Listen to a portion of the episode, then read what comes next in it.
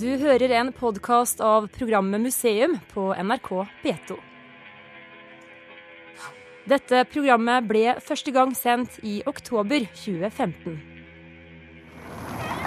Holstentor er jo berømt. Den flotte Ja. port, byporten som tidligere var, var den på 100-markseddelen. Ja, han var i hvert fall på forsiden på den tyskboka jeg hadde på ungdomsskolen. Museum er i Lybekk eh, igjen, for vi var her i våres da det første store museet over Hansa-tiden ble åpnet. I dag skal vi på middelaldersk byvandring sammen med Lybekk-kjenner professor Geir Atle Ersland. Og vi skal straks inn i Marienkirke, som vi nå står ved. Vi skal ha en lunsj i rådhuskjelleren, og vi skal gå litt til Edvard Munchs fotspor. Og det er også et par sterke bergenstegn i denne byen. Hansabyenes mor er verdensarv, og vi skal høre at dette er historisk sett en del av Norden. Men Lübeck var også den første store tyske byen som fikk smake bombene da britene slo til natten til 28. mars eh, 1942. Ja, skal vi Ja. Nå ser vi Her ser du jo veldig tydelig hvordan bombene falt. Her ser du. Ja. Der er det nytt, nye kvartaler og så innover. Og, og her òg. Altså dette området rundt Marienkirke var var jo det mest ødelagte. Ja. Og den eh, var også stygt Ja, den eh, brant jo ned og sto jo bare som ruin igjen. Eh, eller taket brant, og, men de gjorde jo et voldsomt arbeid med å restaurere den. da. Så den framstår jo i dag slik som den for så vidt møtte de som kom her fra Bergen på besøk. Du vet, i senmiddelalderen, 1400- og 1500-tallet, så var Lübeck det var som om å gjøre en stor reise til en av de store byene. Altså det var, eh, det var London og Paris i, i ett for, eh, for en bergenser på, på, tidlig på 1500-tallet. Ersland er professor i middelalderhistorie ved Universitetet i Bergen, og hans spesialitet er eiendomsforholdene på Bryggen eh, i middelalderen. Arkivet til hanseatene i Bergen ligger i Lybekk. Derfor har han vært her mange ganger over lengre tid og fått et forhold til byen, om enn ikke så sterkt som reisende bergensere på 1500-tallet. Dette var en by som, eh, som i all sin prakt og, og storslagenhet var eh, eh, Framsto som ja, kanskje det største reisemålet noen kunne oppleve den gangen. Også den gangen, ja. For at Ja. den er jo for så vidt populær nå også, særlig julemarkedet. Ja. Eh, som har sitt sentrum eh, i, på Rådhusplassen ikke langt ifra Sankt Marien, som vi nå ser. Ja, jeg har jo vært der eh, faktisk mer om vinteren når, når det blåser eh, kaldt og der eh, et glass glyvein kan være absolutt på sin plass. Enn nå når det er sommer. Akkurat i dag Det er jo ikke så varmt. Men, men jeg har jo i liten grad vært her om eh, sommeren. Jeg har vært på arkivreiser om vinteren, og, Ja. og da blåser det fra øst, og det er iskaldt. Og mange ganger har jeg tenkt at det var ikke rart at de heller eh, hanseaterne hadde lyst til å være i Bergen, for der var det jo mye mildere og finere vintre der enn her nede. Det vil jeg tro. Fryser tvers igjennom.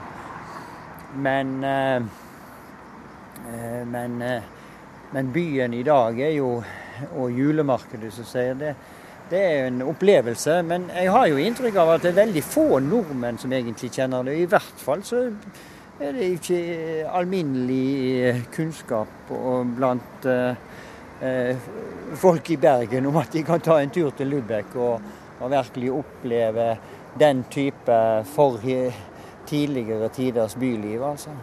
De hadde nok kunne lært litt der, syns jeg.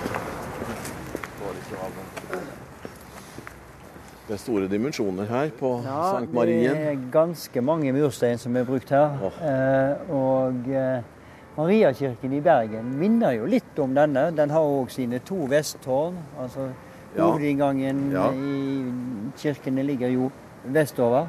Og her ser vi mot den flotte gotiske portalen.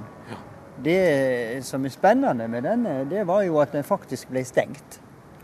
Og grunnen til det eh, og ikke brukt til vanlig. Og Grunnen til det det var at eh, bergenfarerne, altså de gilde som organiserte de som drev handel i Bergen, Ja. de fikk lov til å leie selve rommet mellom de to tårna, altså i hovedinngangen, som Ja sitt private kapell. Ja eller som sitt gildekapell. Og da ble, måtte de bekoste en ny inngang på sida. Det er den vi kommer inn. Alle som besøker Mariakirken i, i, i Lübeck, kommer inn den porten. det er bergenserne som har skylda for Ja, det? og Hvis altså. vi klarer å komme oss inn nå, skal jeg vise deg en artig detalj. Gerne.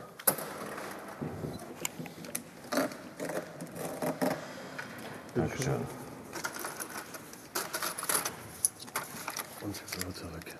Takk.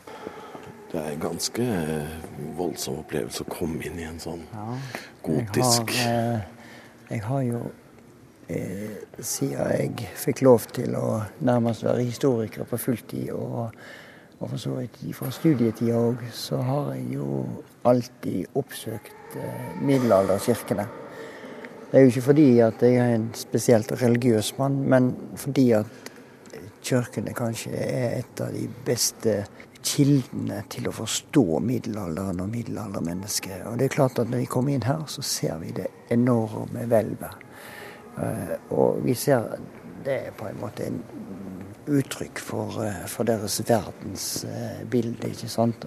At Gud er det viktigste sentrum for hele deres tankeunivers. Og at denne rikdommen og denne Det oppfatter antageligvis middelaldermennesket som helt rett. Slik var det. Lübeck var jo tidlig en del av det eh, reformatoriske området. Slik som, som eh, etter hvert Skandinavia eller Norge og Danmark og Sverige òg ble. Eh, Men hvis vi går nå ned mot vestfronten, som de sier, så kommer vi ned først. Så ser vi til venstre tårnfoten der klokkene som hang i tårnet, og som da datt ned og ble knust Ja. i 1942, ligger fremdeles der de ligger. Og vi ser jo de er fullstendig forvridd og ødelagt og har laga et djupt eh, senking i, Ja. eller hull i, Nærmest i krater Et. Så det, der har de da ligget siden eh, Ja. Palmesøndag Ja. 1942. Men hvis vi da går over til hovedinngangen, altså det som var Ja, nå var vi jo nettopp på utsiden, og du Ja. hadde en historie å fortelle der. Hvor bergenserne er involvert. Ser vi da hovedinngangen. Den Ja. har jo en moderne dør og Ja. port. Men hvis vi da ser opp, Ja, så ser vi tørrfisken. der ser vi tørrfisken igjen. Og den halve krona, det er da til minne om at dette ble kapellet for bergenfarerne. Du verden, det var, var, det var helt nytt og morsomt. Og de hadde da inngangen her. Ja, eller de fikk lov til å stenge av selve hovedinngangen i, i Marienkirken.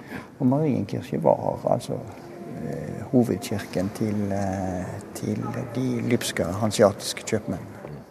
Museum er i middelalderbyen Lybekk sammen med professor Geir Atle Ersland. Akkurat nå er vi i den mektige mursteinskatedralen Sankt Marienkirche, midt i hjertet av byen. Her var det også et bergensk spor i form av en tørrfisk. Det er flere tørrfisker i Lybekk, bl.a. i det nye Hansa-museet og i skippernes eget selskap Schiffergesellschaft, et spisested som oser middelalder. Der er det også en Bergen-benk. Men det er også et rom viet Bergen i Lübeck, og det skal vi besøke litt senere. Vi gjør oss først ferdig i Sankt Marienkirche. Men det som vi kommer til nå, det er interessant for byen Lübeck. Fordi at nå kommer vi i det, i det som er møteplassen for byens ledelse, eller byrådet, eller senatet, som de kalte seg. Altså De bruker da det romerske forbildet for forsamlingen, for den styrende forsamlingen. Og de satt i disse stolene her, Se her, ja. eh, som så, ser ut som egentlig som korstoler, slik som de sto. Ja. Men her satt altså senatet og hadde sine forhandlinger, ikke i rådhuset, Nei, i men i kirken. Og over kirken, i rommet over, som vi ser med gitter, Ja. det var der de hadde arkivene sine. Du verden. Slik at når byrådet da diskuterte saker, så kunne de da òg sende opp sin tjener, eller arkivar, for å finne de viktige dokumentene som kunne være med i forhandlingene, slik at de kunne bli enige. Og Da kunne de kanskje sitte her og diskutere hvordan er det nå egentlig med handelen i Norge, og hvilke privilegier har vi med kongen av Norge. Og Da kunne de stikke opp der og finne dokumenter, så kunne de lese det høyt og si at uh, dette er vår avtale, osv. Og, og særlig viktig var jo dette hvis hvis eh, den norske kongen var død. Fordi at privilegier de varte bare så lenge kongen var i live. Og når en ny konge kom, så måtte de forhandle på nytt og få de nye. Men stort sett så klarte de å forhandle seg tilbake til den avtalen de hadde inngått allerede i 1294 med Erik Magnusson i Bergen. Det var de privilegiene de beholdt egentlig ja. hele tida. Og det var starten på, på Hansa-tiden i Bergen? Det vi vil kalle hansiater, de kom rundt midten av 1200-tallet for alvor. Men det er ikke før i, i sånn ved midten av 1360-tallet da organiserer kjøpmennene seg i Bergen i et såkalt older, med et oldermannskap. Og da har de en egen forening, kan du si, eller en mm. interesseorganisasjon, mm. som vi senere kjenner som Kontoret i Bergen. Mm. Det er fotogent her, altså. Se disse broene nærmest mellom bygningene. Der er Schabelhaus. Nå er vi inne i Schabelhaus, som både er et museum og restaurant. Ja. Uh, ideen om dette Schabelhaus det kom vel opp i mellomkrigstida, hvis jeg ikke husker feil. Uh, og poenget var å da kunne vise et av de store kjøpmannshusene uh, med alle sine rom og interiører intakt, og samtidig lage et, en fin restaurant, nærmest en, en, slags klubb ut av dette. Ja. Og eh, eh, det ble gjort, og det ble en veldig populær eh, restaurant.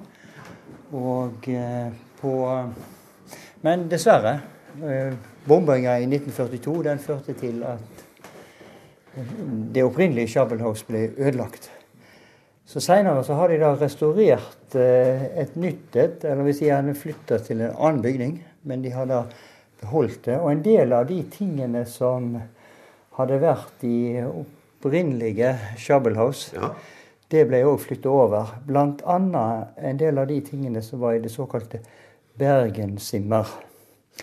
Og det Bergensimmeret som hadde vært altså bergensrommet i Shabelhouse, det opprinnelige, det var da særlig kom i stand ved hjelp av den tidligere direktøren ved Hanseatisk museum i Bergen, eh, Kåre Nyberg. Og nå står vi jo inne i ja. det som er det rekonstruerte. Ja, nå ser vi inn her. Og, og, det artige er at han har da Her har de da, og det er nok på hans inspirasjon, eh, laga vegger som ser ut som gamle tømmervegger. Og det er malt i disse grønne, mørke grønne og mørkbrune, røde fargene som var typisk Koren Wiberg, slik som han ja. innreda Hansiatisk museum ja. i, i, Bergen. Og her henger tørrfisken i taket? Og Her henger kongetorskene som han har eh, antageligvis gitt, og andre ting. Dette var ting som hørte til museet, men han behandla jo Dette var jo egentlig et privat museum i stor grad, og han behandla det deretter. Eh, det er interessant å se en del av bildene. Her er bl.a. et maleri som jeg har veldig lyst til å se nærmere på. Ja. Eh, om han har malt sjøl. Det må jeg få lov til. Ja, ja, her går vi bort til et bilde, et bilde ja. Eh, nei, her står det Julius et eller annet under som har malt det. Men det er jo Bryggen slik som den sto før eh, 1899, for da reiv de den søndre halvdelen av Bryggen. Riktig. Så her ser vi kjøpmannsstuen, den ja. opprinnelige kontoret, eller bygd, administrasjonsbygningen til kontoret i Bergen. Ja. Og så ser vi alle gårdene bortover, og der ligger Mariakirken bak der igjen. Ja. Og så ser vi i forgrunnen så ser vi da jekter fra Nord-Norge som ligger lasta med fisk til høyt opp på masta. det er morsomt, og så henger fisken i taket her, og så er det noe eh, en eh... Og ellers er det bilder fra Bergen, da i, i forskjellige ja, og det er et sted man kan leie antagelig her på restauranten Schabelhaus. da. Eh, her står det uh, Ja. Det opprinnelige bergensværelset holdt til i sin ødeleggelse i 1942 levende de århundre gamle tradisjoner til Lübecker-bergenfarerne. I den hansiatiske gjensidighetsånd ble det nye bergensværelset skjenket Lübeck fra Bergen by og innviet i anledning Lübecks kjøpmannskaps 125-årsjubileum den 16.9.1978. Ja. Så her har de da gjenført gjennomført dette. Nettopp. Men her henger jo òg bilder fra den gamle, altså fotografier fra Bryggen. slik som I sto Bergen. Ja. rundt 1900. Det er nesten som å komme hjem for deg her nå. ja. Eh, eh, I den grad jeg, jeg er fra Bergen. da, Jeg er jo egentlig vokst opp på Stord. La oss ikke glemme det. Så, så det er en sunnmørlending i Paris.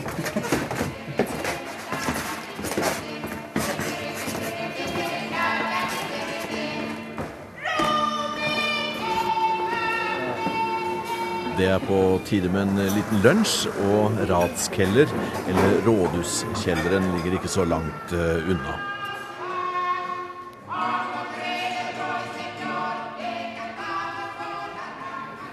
Nå er vi i, eh, nede i grunnen og i kjernen av, av Lybekk, midt på Rådhusplassen og nede i ratskeller. Her har du vært mye. Ja, slik var det jo i de tyske rådhusene i Nord-Tyskland. Nord det var eh, rådhushall eh, i Erstestokk, altså og i kjelleren der var det eh, restaurant, eller vinkjeller var det jo det skulle være. Den som vi sitter i nå, er nok under hvelvingene som har vært fra middelalderen. Og her har de nok servert både øl og, og mat og vin like lenge. Eh, tradisjonen har jo holdt seg godt. Men, Men med eh, historie fra Lybekk på, Lübeck, på veggene her? Vi er jo så heldige at vi har fått selskap på veggen. Ah, danke schön. Og vi er jo så heldige at vi har fått uh, selskap av brødrene Mann.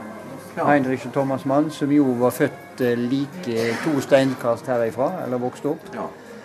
Eh, så eh, Og Thomas fikk vel eh, Nobels Thomas fikk Nobelprisen. 21, eller ja, eller noe sånt. Eller var det 25? Jeg husker ikke. Ja, for huset Bodenbrock.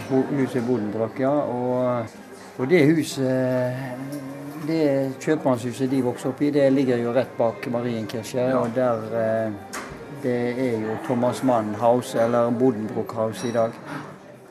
Som museum over disse brødrene. Ikke bare Thomas som vi kjenner, men ikke minst òg Heinrich Mann, som var en, eh, en framstående intellektuell samtidig. Jeg må jo si, eh, og har erfart sjøl, at etter at jeg leste Jeg hadde vært mange ganger i Lybekk, men etter å ha mm. lest huset Bodenbrock, mm. så ble det en helt ny opplevelse å komme ja. hit. Men eh, nå må vi Nå er jeg tørst. Ja, det var det. Etter byvandring og museumsbesøk og Altfor mye. Ja. Altfor mye. Må slutte med det kan ikke holde på Skål. Skål. Og den fatt.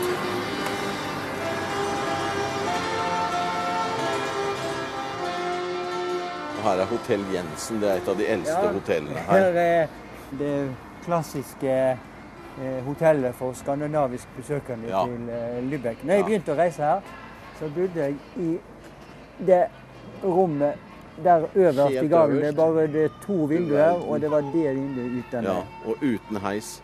Nei da. Så gikk jeg til uh, arkivet, da, som er litt lenger, litt lenger her, rundt. ved domen. Ja, da er det forbi det som kalles malerische vinkel. Ja, det er jo en del, det er jo den fineste delen. Og der var det jo minst ødeleggelser òg ja. uh, under bombinga. Selv om domen ble ødelagt. og og bygningene som i dag er arkivet, ble helt ødelagt. Men arkivene ble bevart, for de lå en annen sted sen.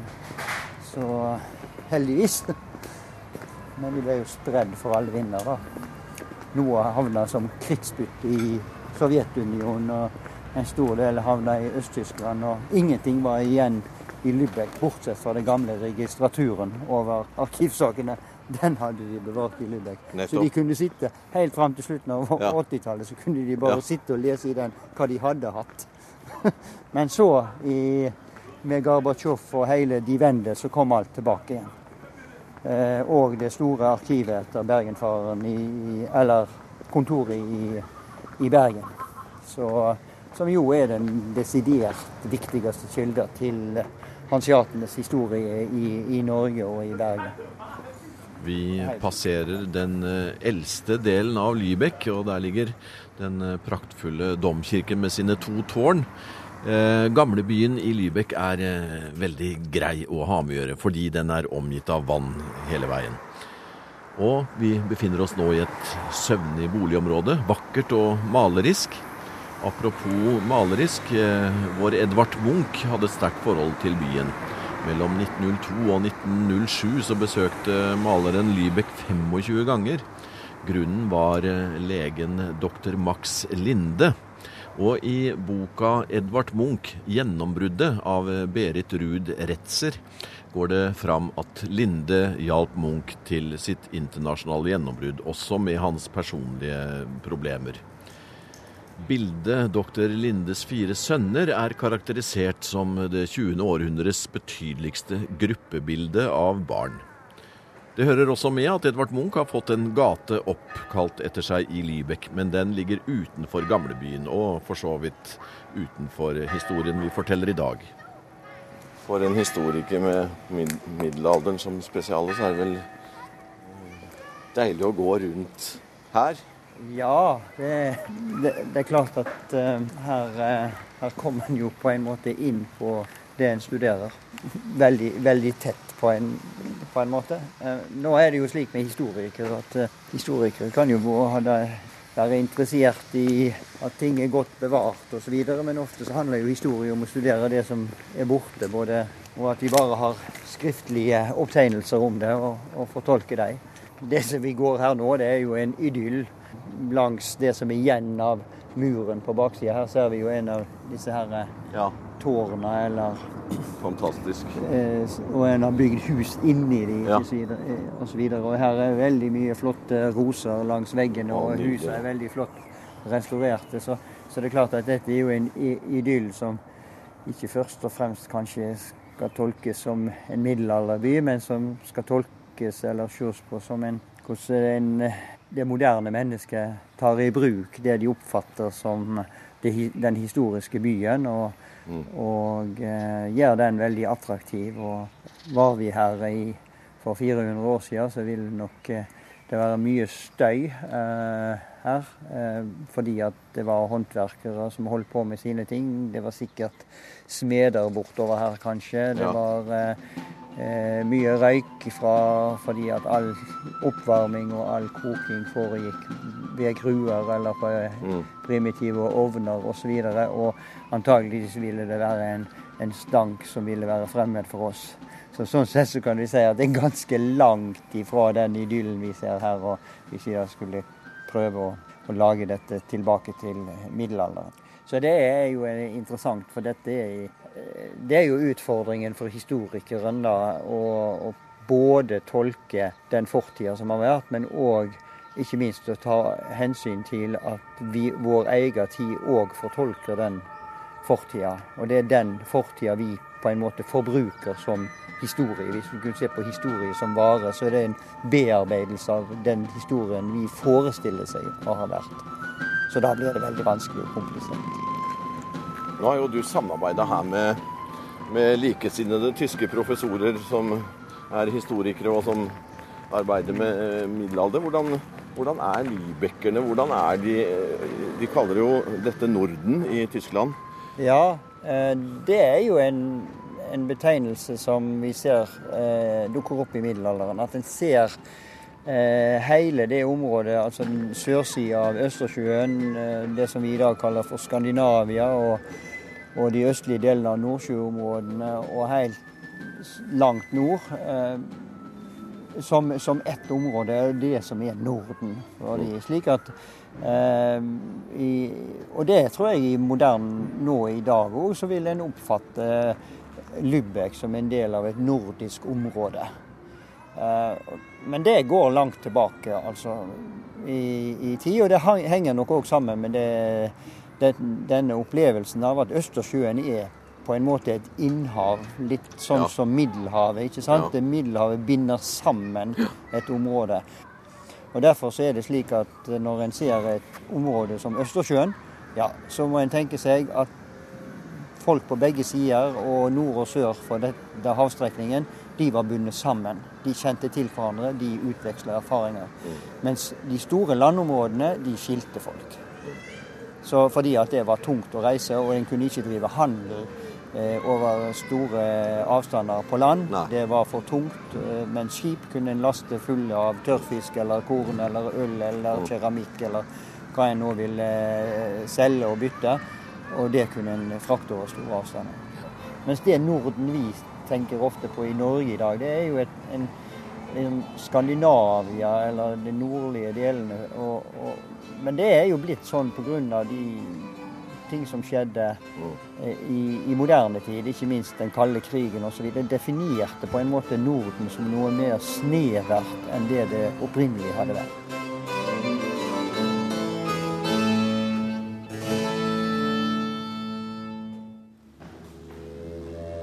Har nå hørt en podkast av programmet Museum fra NRK P2.